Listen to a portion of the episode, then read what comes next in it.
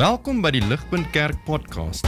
As Ligpunt Gemeente is dit ons begeerte om God te verheerlik deur disippels te wees wat disippels maak en 'n kerk te wees wat kerke plant. Geniet hierdie week se preek. Okay, I don't know whether you know this old song. It goes like this What a friend we have in Jesus, all our sins and griefs to bear. What a privilege to carry everything to God in prayer. Oh, what peace we often forfeit. Oh, what needless pain we bear, all because we do not carry everything to God in prayer. And my simple aim in this session is to try to encourage you to enjoy the privilege of prayer. Let's begin with what is prayer? Well, prayer is talking to God. Prayer is our side of the personal conversation at the heart of a Christian relationship with God. He speaks the words of the Bible to us by His Spirit, and we respond with words of prayer. Now, to speak with our divine Creator, knowing that the God of the universe, the supreme being, stops what He's doing to listen to us and then responds wisely, is a, a breathtaking privilege. In church history as in personal experience. Periods of close communion with God are marked by attention to God's voice in the Bible and responding with passionate prayer. You might say prayer is a bit like breathing. If it's restricted, we soon become spiritually ill. In a classic little book published a few years ago, in 1662, called Praying in the Spirit, written by John Bunyan, the author of the famous Pilgrim's Progress, from Bedford Jail, where he was imprisoned for protesting at the insincerity of Anglicanism. I mean, who would have thought? He brilliantly defines prayer like this.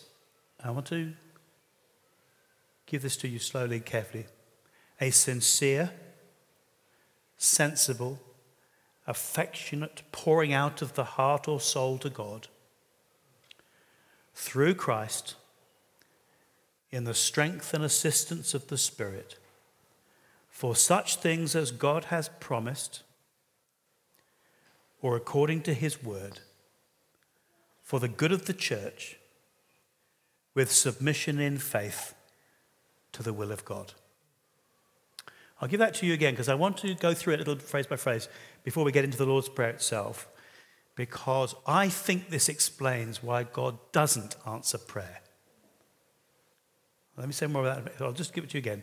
A sincere, sensible, affectionate, pouring out of the heart or soul to God through Christ in the strength and assistance of the Spirit for such things as God has promised or according to his word for the good of the church with submission in faith to the will of God.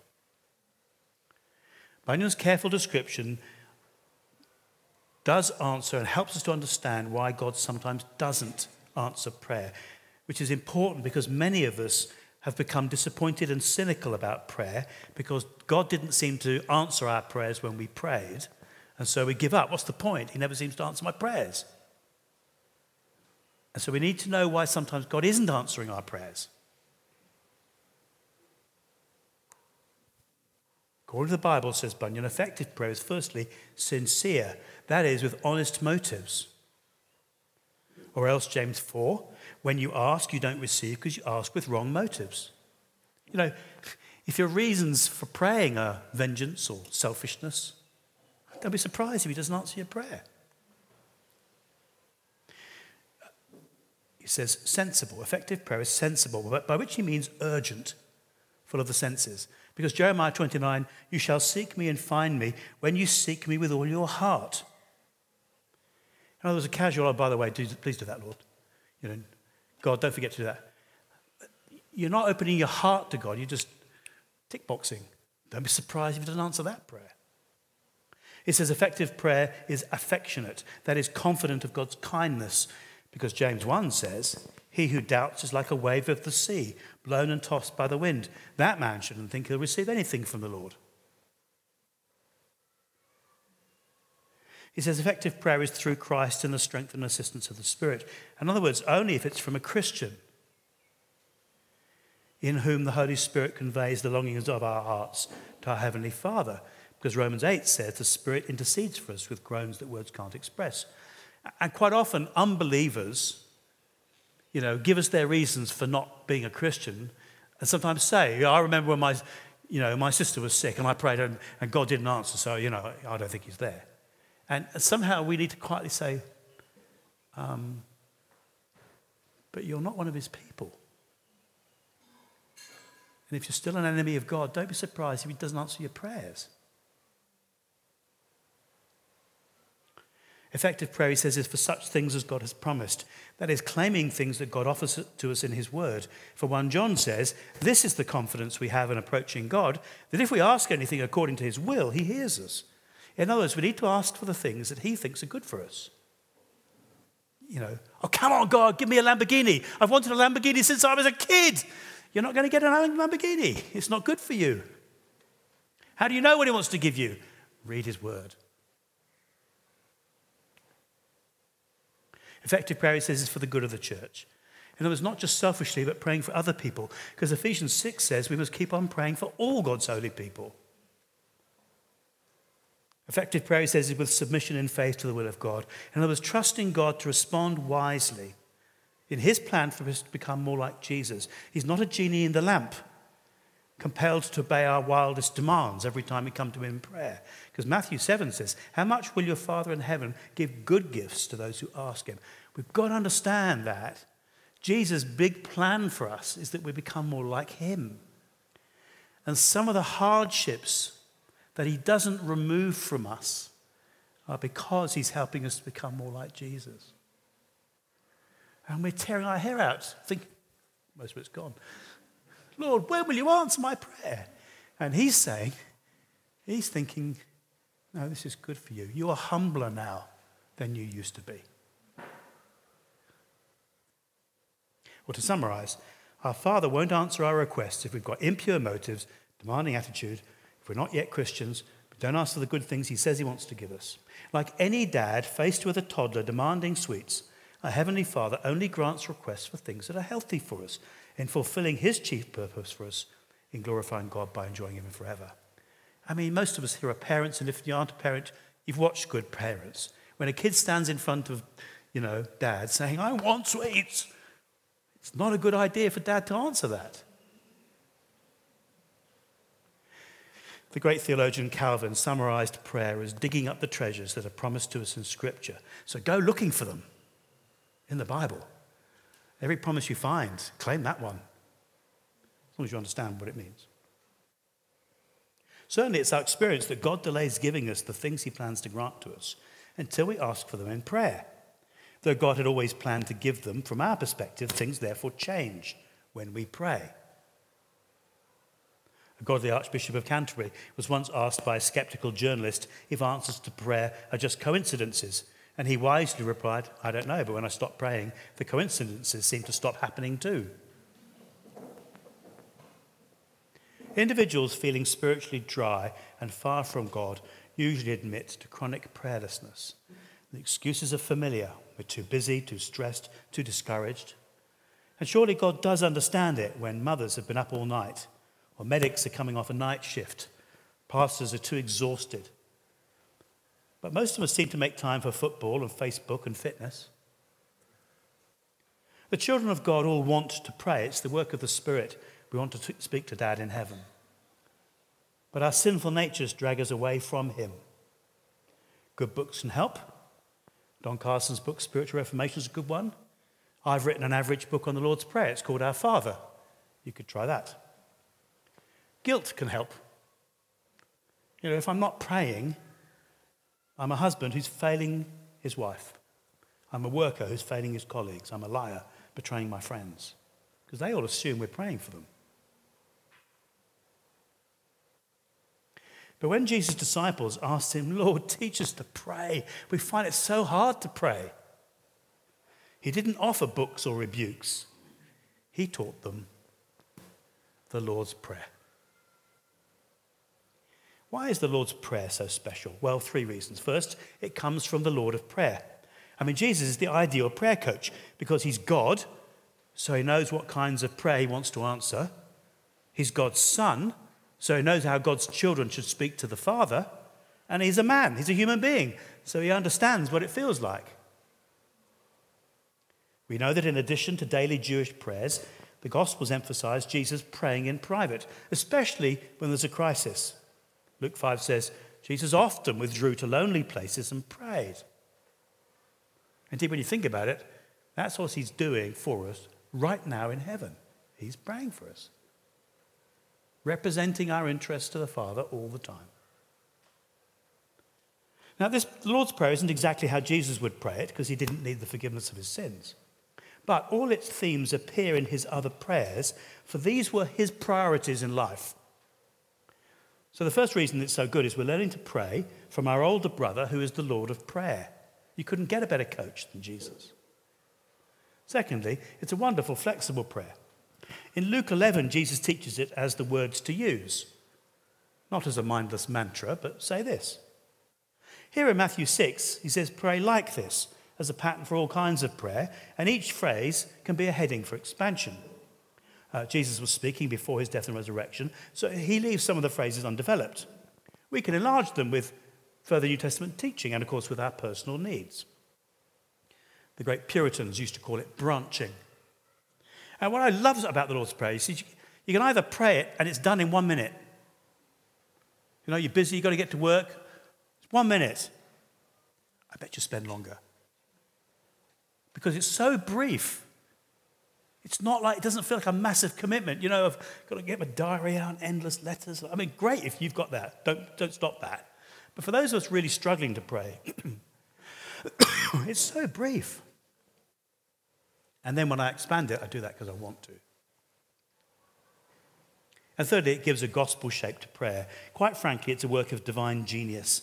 A few simple words reveal the impact of the gospel upon our lives. For through Christ, God is now our Father. That's the opening address. He's our Lord. That's the first three petitions. And He's our Savior. That's the next three petitions. So the Lord's Prayer is simple enough for children to pray at bedtime. I remember one of the only exciting things I did as a dad for the kids was I bought some folders back from work and gave all the kids a little folder with some papers in it. And we, um, each night we, we looked at the Lord's Prayer. The kids had to try and draw pictures of, of what the phrase was. And uh, I don't know, they just seemed to think that was amazing. Um, you, could, you know, the Lord's Prayer is suitable to teach kids. But it's deep enough for a course of academic study. It's suitable for praying with people dying in hospital. I mean, I don't know about you, when you're visiting people, you know, what on earth do you say? I mean, what do you do with a Christian? I mean, what are you supposed to say to someone from church? You feel like you should turn up, but what do you say in a hospital bed? Well, how about doing this? Take their hand, hold their hand, and pray the Lord's Prayer with them. That's what I'd want you to do. What do you do for an unbeliever? and you're feeling awkward because the other people in the room are definitely not Christians and they want, don't want you doing any kind of religious stuff. But yeah, you can say, Do you mind if I pray the Lord's Prayer? Everyone knows the Lord's Prayer. So you grab their hand, hold their hand, and pray the Lord's Prayer. You'd be amazed that people who you thought had no interest in God will say Amen at the end and grip your hand. And I dare to think that for some people, that's the moment when they finally surrender to God. That's what I do. or to pray around the family table and every week in church. Jesus teaches this prayer as part of the disciplined righteousness required of God's children in his Sermon on the Mount. That's chapters 5 to 7. But it does seem upside down to sinful people like us, because the first requests are all about God. Hallowed be your name, your kingdom, your will. And only then do we get to ask for our daily bread, our debts, and lead us. Which does reflect the Copernican revolution of saving faith. You know what I mean by that? You see, um, the Copernican revolution is named after Nicholas Copernicus, who was an astronomer. And he discovered that unlike the, the old astronomy of the Egyptians, he realized the earth is not the center of the universe.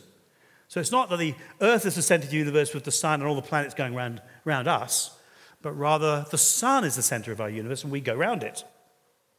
or of our solar system, and we travel around that. And that's a bit like becoming a Christian. You suddenly realize the world doesn't revolve around me. When you become a Christian, you see, before you become a Christian, you think, I'm not sure whether I'm going to give God some time in my life or not. Yeah, you, you think you're making a decision about whether to involve God in your future. And then you become a Christian, where, oh my goodness, I'm not the center of the universe. God's the center of the universe. And He's deciding whether to give me a place in His future. In other words, God's more important than me. That's what you discover when you become a Christian. And that's why all His concerns come first. I mean, for myself, as a sort of self absorbed, self pitying sinner, I think I should be asking for the forgiveness of my sins first up. It doesn't come till number four. Because even my sin isn't that important. I think I'm so important. I think my sins are the end of the world. They're not. His, his concerns come first, then us. Well, I, I, I want to commend it to you. The Lord's Prayer has given me a prayer life that I wouldn't have. Without it, I try and pray it every day, and I want to commend it to you, especially if you struggle with prayer. Three things. We're just going to look at three things. Firstly, it starts with a description of God. So, verse 9, we speak to God as our Father. Let's read the passage. And um, so, Matthew chapter 6 and verse 9. This then is how you should pray Our Father in heaven, hallowed be your name. Your kingdom come, your will be done on earth as it is in heaven. Give us today our daily bread, and forgive us our debts, as we also have forgiven our debtors. And lead us not into temptation, but deliver us from the evil one. Right, starts off, we speak to God as our Father. Now, we often forget how stunning it is to call the living God our Father. The Aramaic word used, Abba, means dad. It's affectionate, much more affectionate than father. It's, it is dad, but it's respectful. So it's not, you know, daddy o. I think dad just about captures it. Now, listen, there is no human religion and no Jewish teacher who ever dared to call God their dad. You see, Jesus knew that the rocket engine that launches prayer isn't technique, it's theology. It's not how to pray, it's who we're praying to. Because when you understand who we're praying to, changes everything. His opening address summarizes the miracle of God's grace in Christ. In fact, the whole basis of Christian prayer. And this is the whole thing of the Christian faith is God is now our dad through Jesus. That's it. That's everything. When God the Son arrived from heaven in Jesus, it soon emerged that he came to swap places with us. He was punished in our place for our sins on the cross, so we can be accepted as sons of God in his place. The technical word is incorporated into him, or in other words, sharing in his privileges. God sent his Son that we might have the full rights of sons, says Galatians 4. So it is as if in Christ we're kind of inside the Trinity of God. That's why you don't have to shout from a distance to a God who's far away. You just whisper in your heart. As his children, we enjoy the love of our Father, the indwelling of his Spirit, the care of his church family, an inheritance in his kingdom, and his constant attention to our prayers. As adopted children, we speak in everything to the Father in the name of the Son and the power of the Spirit, says Ephesians. For after all, he's far more powerful than anyone we could call on our mobile phones. You know when something terrible happens, yeah? You know, you stagger out of work and it's, you know, and you're on your phone. Oh, mum, you wouldn't believe what's happened. Yeah? You know, something terrible at church. Bearing pun, pun, you've got to sort this out, mate. I mean, it's our first reaction, isn't it? Your Father in heaven is much more help. He can change things in a way your phone can't.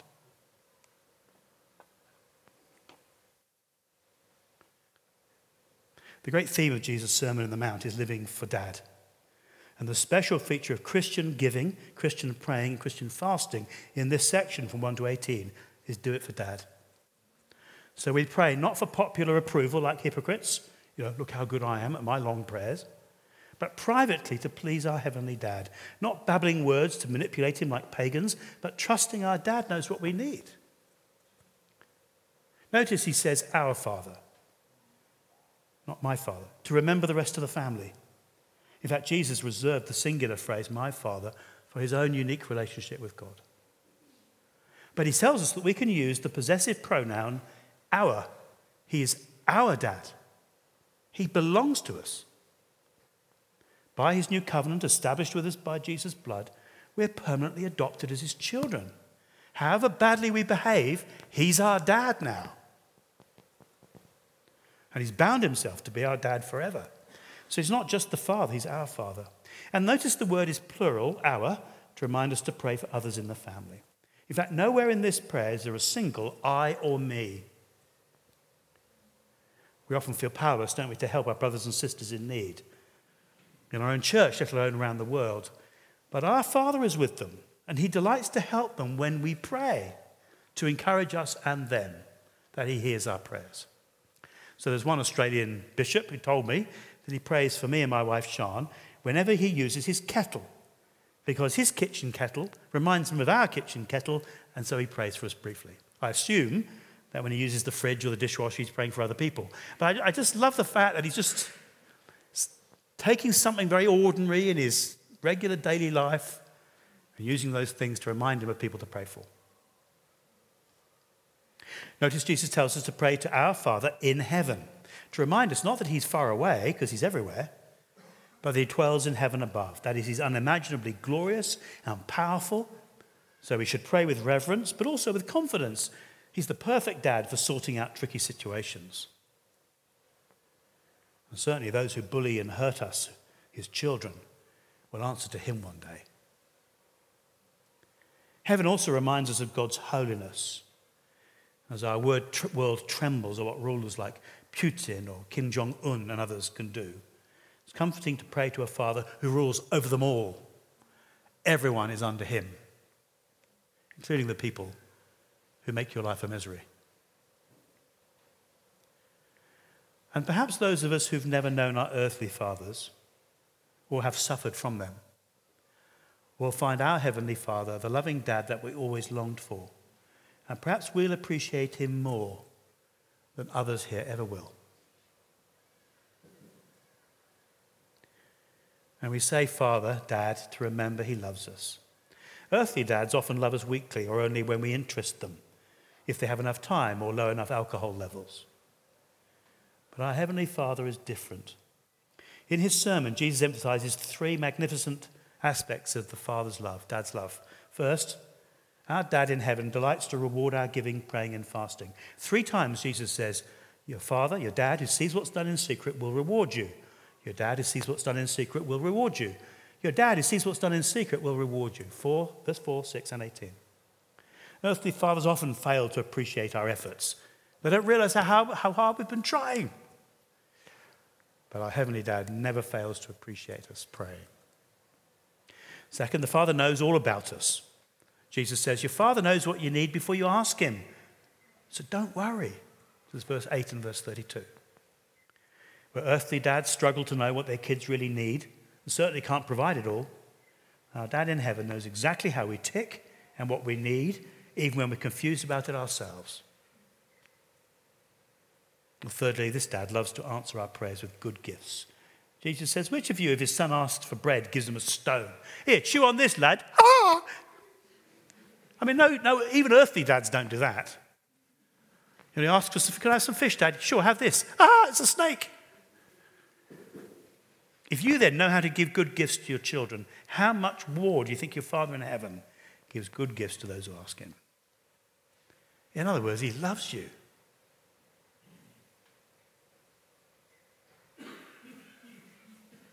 that's the first thing. Pray to our Father. Pray to God as our Father. It's stunning. Secondly, we submit to our Father as our Lord. This is verses 9 and 10. He says, Hallowed be your name, your kingdom come, your will be done on earth as it is in heaven.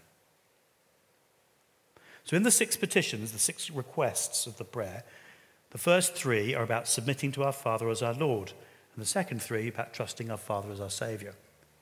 So all the petitions do concern the future kingdom, but they've all begun appearing ever since Christ's coming. So in all of them, we're submitting to our Father as Lord and Saviour. The first three commit us to His glory, His kingdom, His will. So, firstly, hallowed be your name. In other words, may your character, your name, be honoured or glorified by everyone. We won't go into it, but God's names reveal different aspects of his character. There are many names for God in the Bible. There's El, meaning he's sovereign. There's El Elyon, meaning God is most high. Elohim, that God is supreme. Yahweh, I am who I am, which means free to be our Redeemer. Yahweh Jireh, the Lord provides. Yahweh Shalom, the Lord gives peace. And they're all summed up in the name of all names Jesus, God saves. At this name, everybody, presidents, prophets, and paupers alike, will one day bow. So to hallow his name is to honor, respect, and worship this Lord in reverent speech and respectful behavior. So when we pray, Hallowed be your name, we ask that we and all peoples will glorify him today. So when I pray that at the beginning of that, I'm saying, Lord, please help me to glorify you today. Tries to wean me off my self pity, pitying concern to think about honoring him today. Hallowed be your name. Your kingdom come. May your heavenly King Jesus extend your kingdom rule through in the world through the gospel. This is when I pray for my non-Christian friends. Please may Gordon and Steve become Christians, Lord. Your kingdom come. I often pray, may your kingdom grow through me, sorry, in me, through me, and despite me. Please you grow our church. Please you grow our network. May your kingdom grow, not mine. And thirdly, your will be done. That is, may your plans, whether published in Scripture or only known to you, be fulfilled in our lives and throughout the world. And that's where I pray for the, my family, for the church, for what's happening today. Please be this that meeting. Please may this, this thing go through. Please, that struggle we're having, please resolve that. May your will be done. Please sort it out, Lord. So your will is when I'm praying for everything that's happening. Most of our kids now have left home. Only the youngest is living with us. But sometimes, I have to say, they drop by. And uh, certainly if they've traveled, they often dump their stuff. And uh, I often get home to find them in the house, and they've often emptied the fridge. They've raided the cellar. They've got some of my best wine out, and they've got their, the beers out the fridge. They're eating all the food. Sometimes they've invited friends around, and they're all sitting around the table and uh, kind of eating. And, and, I walk in. It's hardly like I've even, you can't be bothered to say, Hi, Dad. You know, making myself some coffee, trying to be quiet, and I leave again. Honestly, they leave their clothes around. I mean, my daughters are so messy. I mean, the place is just you know, littered with their stuff. They, basically, they treat home as if it belongs to them. And I absolutely love it. How much more do you think your heavenly dad loves it when you drop in for a chat? You can imagine every day you just finished your work or you're about to go to work. Talk to me, talk to me. Oh, okay. It's lunchtime, you're going for lunch. Talk to me, talk to me, I'm here, I'm here. Oh, okay. On your way home, had a bad day. Mobile phone. Talk to me, talk to me, I'm here, I'm here, I'm here. Okay. You go to bed. Talk to me, I'm here. Oh, okay, not today then. Maybe tomorrow.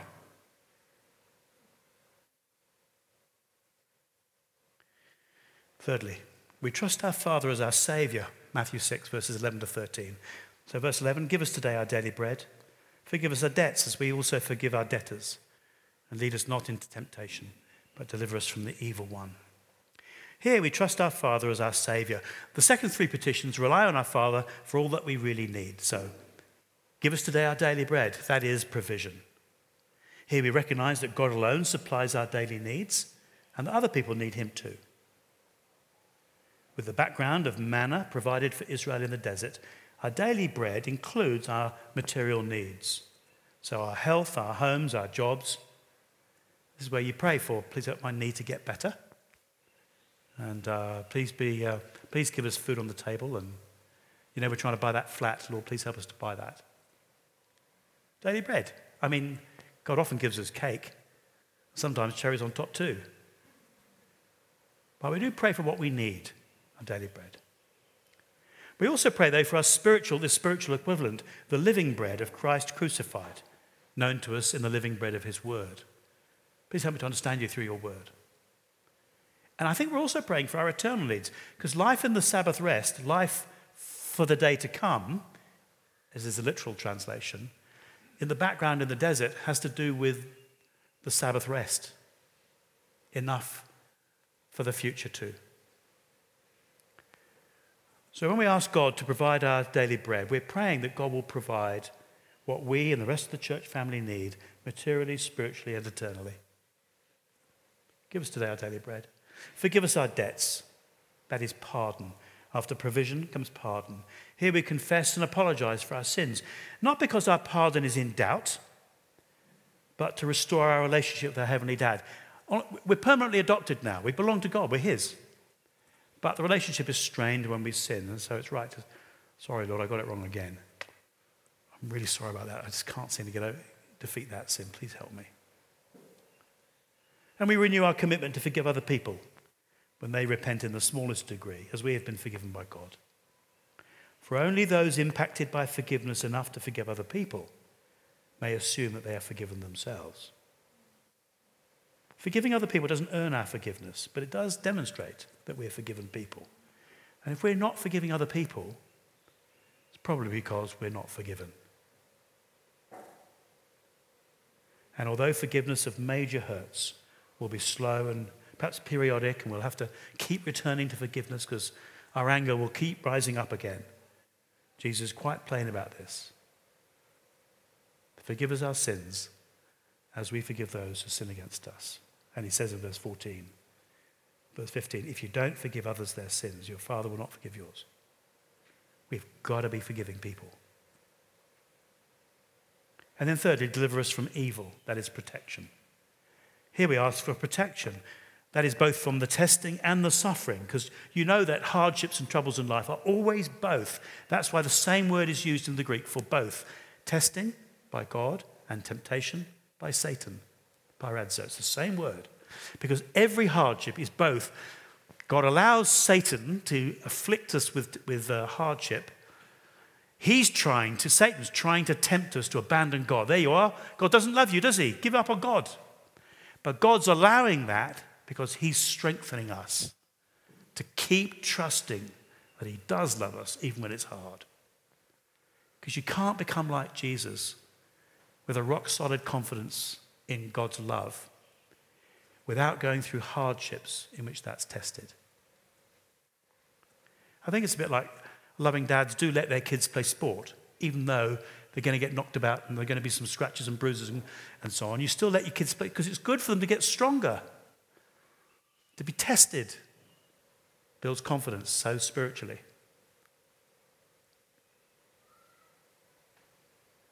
Although we realize that to become like Jesus, we may well have to learn faithfulness in suffering. Nevertheless, as Jesus asked to be spared the cross on the night before he died, so we ask our Father to lead us by his written word and by his sovereign control in safety from testing and temptation. We are allowed to say, Lord, please, could life be a little easier at the moment? And so we pray for protection from Satan's lies that cause division and fear in marriages and families and split churches. Satan loves to spread, spread slander and division, and we pray against it. So, in using the Lord's Prayer, we submit to our Father as our Lord, and we trust in our Father as our Saviour, confident that our Dad in heaven is the best possible Father, wise and patient, compassionate and generous. Quite a few years ago now, I heard my 13 year old son give my eight year old son some shrewd financial advice. The younger boy was desperate to buy a new electronic Game Boy called Crash. This was clearly a matter of life and death. Realizing that he did not have enough pocket money to buy it himself, the poor boy had collapsed in despair. And his older brother came up with a classic line that just about sums up their financial strategy for life Just ask dad. I was no match for the heartrending appeals that followed, when my son was soon enjoying his new game, much to the despair of his mother. The Lord's Prayer is a bit like that. Our older brother Jesus is telling us from personal experience how to face life's challenges. It goes like this Just ask dad. Or to put it in his words, this is how you should pray Our Father in heaven. Have we trials and temptations? Is there trouble anywhere? We should never be discouraged. Take it to the Lord in prayer.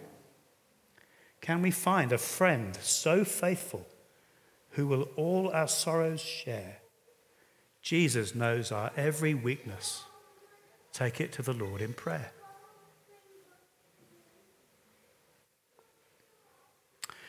Shall I lead us in prayer? Let's bow our heads and pray.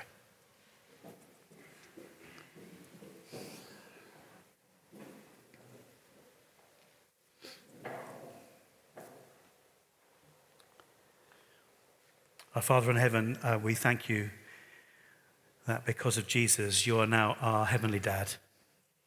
Thank you for adopting us as your kids. Thank you that you're in heaven, uh, good and powerful to answer our prayers as you see fit. We do praise and thank you that you're our Father in heaven, that you love us. Hallowed be your name. We do pray, Lord, that your name would be honored through us uh, on this weekend and when we go home. Help us to honor you in the way we live and the way we speak about you. Pray that across the world people would be honoring you. Think of tomorrow in church and pray that you would be lifted high and honored. Hallowed be your name. May your kingdom come. Lord, please, would your kingdom grow in my life, uh, in me, through me, despite me. Please, would you grow your church? Please, would you grow your networks here in Pretoria and across Africa and the world? Please, your kingdom grow? And Lord, please, save my rebellious child. Please save my friends, Gordon. Please save those I love. Please save them, Lord. May your kingdom come. Please may your will be done today and every day. We pray that your plans for the world, thank you so much, they're your plans and I'm so glad that you're in charge, Lord. Please may your will be done in my life. May I try and live by your word. Please help. May your will be done, not mine. And in the troubling situations coming up next week, Lord, please may it be your will, no one else's that's done. Give us this day our daily bread, Lord. Please give us what we need. Please grant us health. Please give us your word. Help us to understand your word better and to live by it and give it that we might share it with others. Forgive us our sins. Lord, please forgive our sins. Because of Jesus, He's died for them all, so please forgive us. And help us, therefore, to be forgiving people who forgive others. And lead us not into temptation, Lord, but you know that we're prone to temptation.